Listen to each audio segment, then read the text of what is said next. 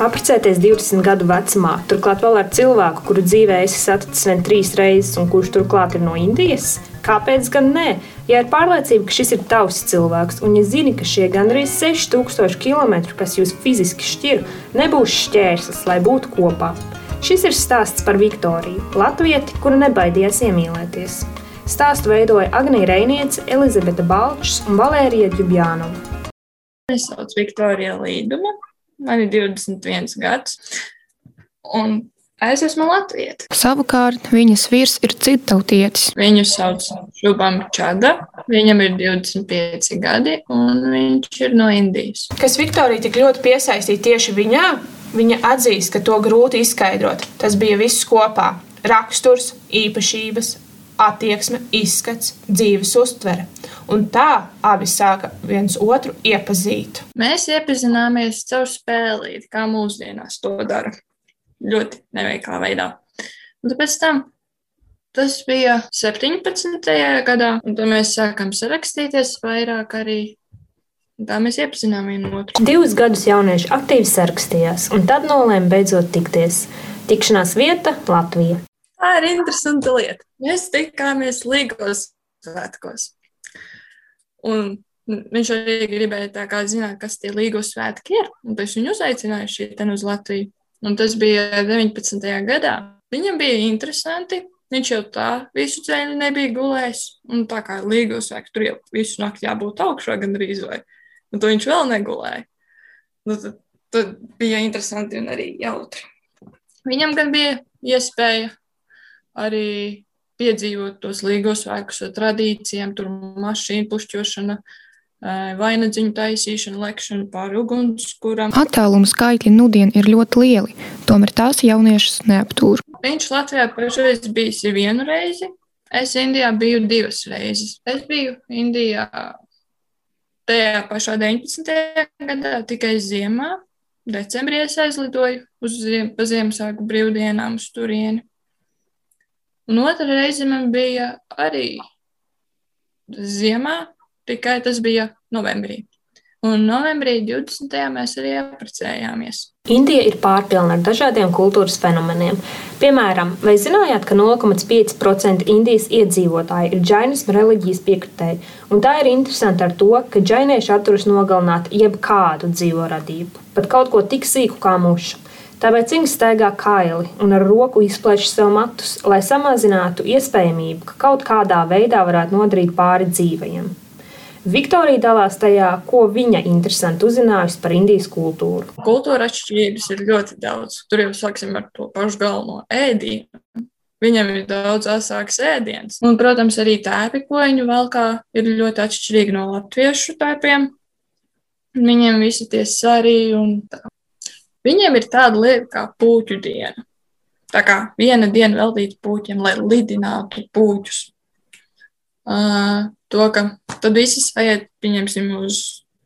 Uh, nu, viņam ir citādi veidotas mājas, to, ka viņam ir tā kā var iedomāties kuci, un uz tā kuča virsū tu vari uzkāpt, tāda veida mājas viņiem ir. Un tad viņi tā kā to sauc par jumtu.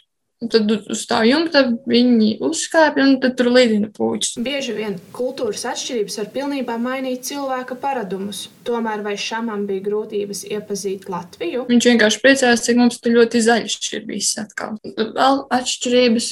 Nu, protams, vidē ir atšķirība. Arī mums te viss smuki, skaisti zaļš Latvijā ir. Kamēr viņiem tur atkal tā zaļuma nav tik daudz.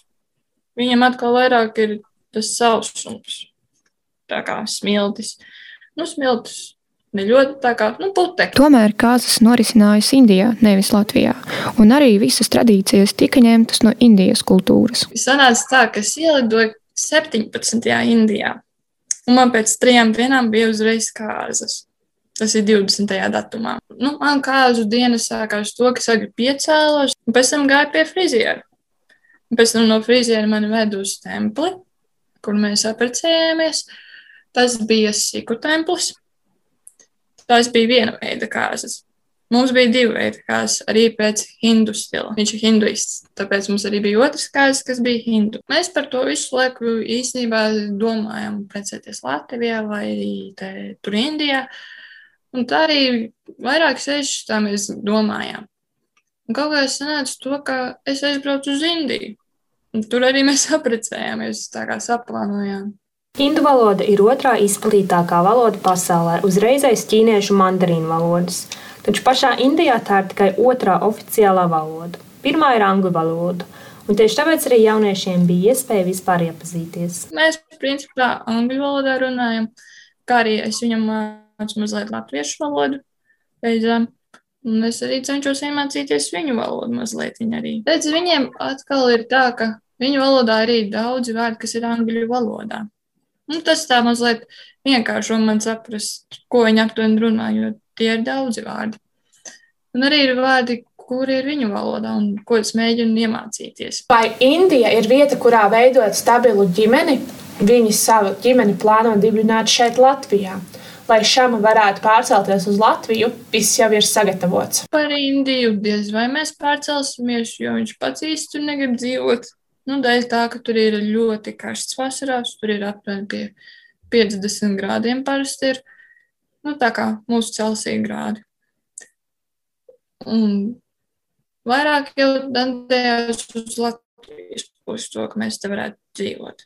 Viktorijas vecāki gan sākumā nav bijuši tik entuziastiski par šīm attiecībām, cik Viktorija pati. Radās arī strīdi. Sākumā, protams, kad viņi vispār uzzināja to, ka man ir vīrietis no citas valsts un no Indijas, viņi bija ļoti lielā šokā. Un sākumā tur bija arī strīdi, nu, ar ģimeni vairāk. Un mēģināšana saprast, tā visa lieta. Bet tad, kad viņi pirmo reizi viņu satika tajā līgos svētkos, viņi saprata to, ka viņš ir labs puisis. Vai zinājāt, ka pēc statistikas datiem aptuveni puse no indiešu sievietēm apprecas pirms 18 gadu vecuma sasniegšanas?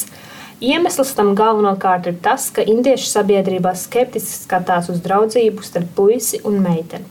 Tāpēc spiediens no ģimenes noved pie agrīnas laulības. Viktorija skaidros savus iemeslus, kāpēc abi nolēma tik salīdzinoši jauni precēties. Nu, viens iemesls ir to, ka mēs paši gribējām apprecēties, un to, ka mēs sapratām to, ka jā, kāpēc nē, un to, ka gribās.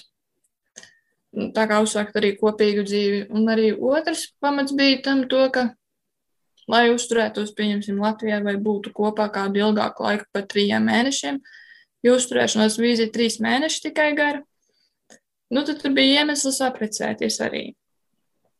Nu, tā kā sākt normāli dzīvot kopā. Interesanti, ka Indijā ir tradīcija, ka zem vienā jumtā dzīvo vairākas paudzes, un tas nav tikai finansiāls jautājums.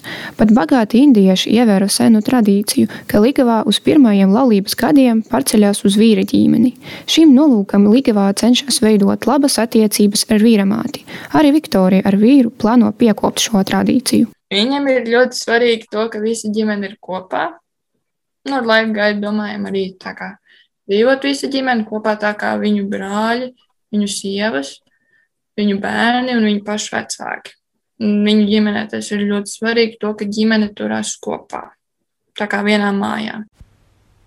Situāciju komentē augstskolas turība starptautiskā turisma dekāns Ēriks Lingabērziņš.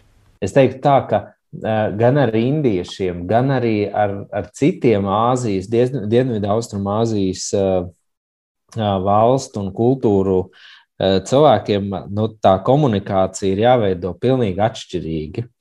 Jo ir, jā, ir jāiemācās nu, uztaisīt tādu filtru. Es tāpēc domāju, ka tur ir nu, diezgan liela vieta dažādiem riskiem un iespējamiem pārpratumiem, ka, ka ne viss, kas ir nu, pateikts, ka tas tā tiešām arī ir domāts. Un, un tas, kā jūs stāstījāt par to laika periodu, cik viņi ir bijusi pazīstami, man liekas, ārkārtīgi maz priekš, nu, priekš, priekš indiešiem. Un, un arī, nu, man liekas, ir, ir vajadzīga tāda, tāda bišķīt lielāka, varbūt, un ilgāka pieredze vispār izprotot to kopienu paradumus, tradīcijas, piemēram, jautājumā par eh, nu, dotajiem solījumiem.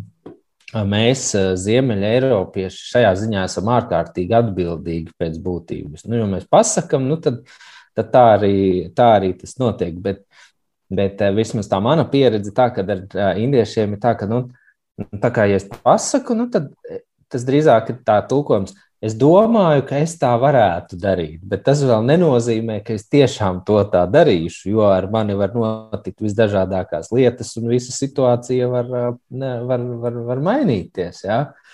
Jā, nu tad es iedomājos, ka tādās cilvēku divās attiecībās arī, ja, ja nav, nu, ja nav šo pieredzes un zināšanas, ka tas, tā, tā, tā solījuma došana un turēšana var būt mainīga, tad uh, tur var rasties dažādi Bet tu taču teici, nu jā, es teicu, bet es teicu, ka varbūt es tā varētu nu, kaut kad eh, domāt. Ja mēs, eh, es domāju, ja mēs runājam par attiecībām ar citu kultūru pārstāvjiem, tur, kur tādas kultūras atšķirības jā. ir jā, izteikti lielas, es tomēr ieteiktu, nu, varbūt vairāk laika mm, veltīt nu, būšanai uz vietas un esot vidē, lai labāk izprastu, kāda, kāda ir tā kultūras vide.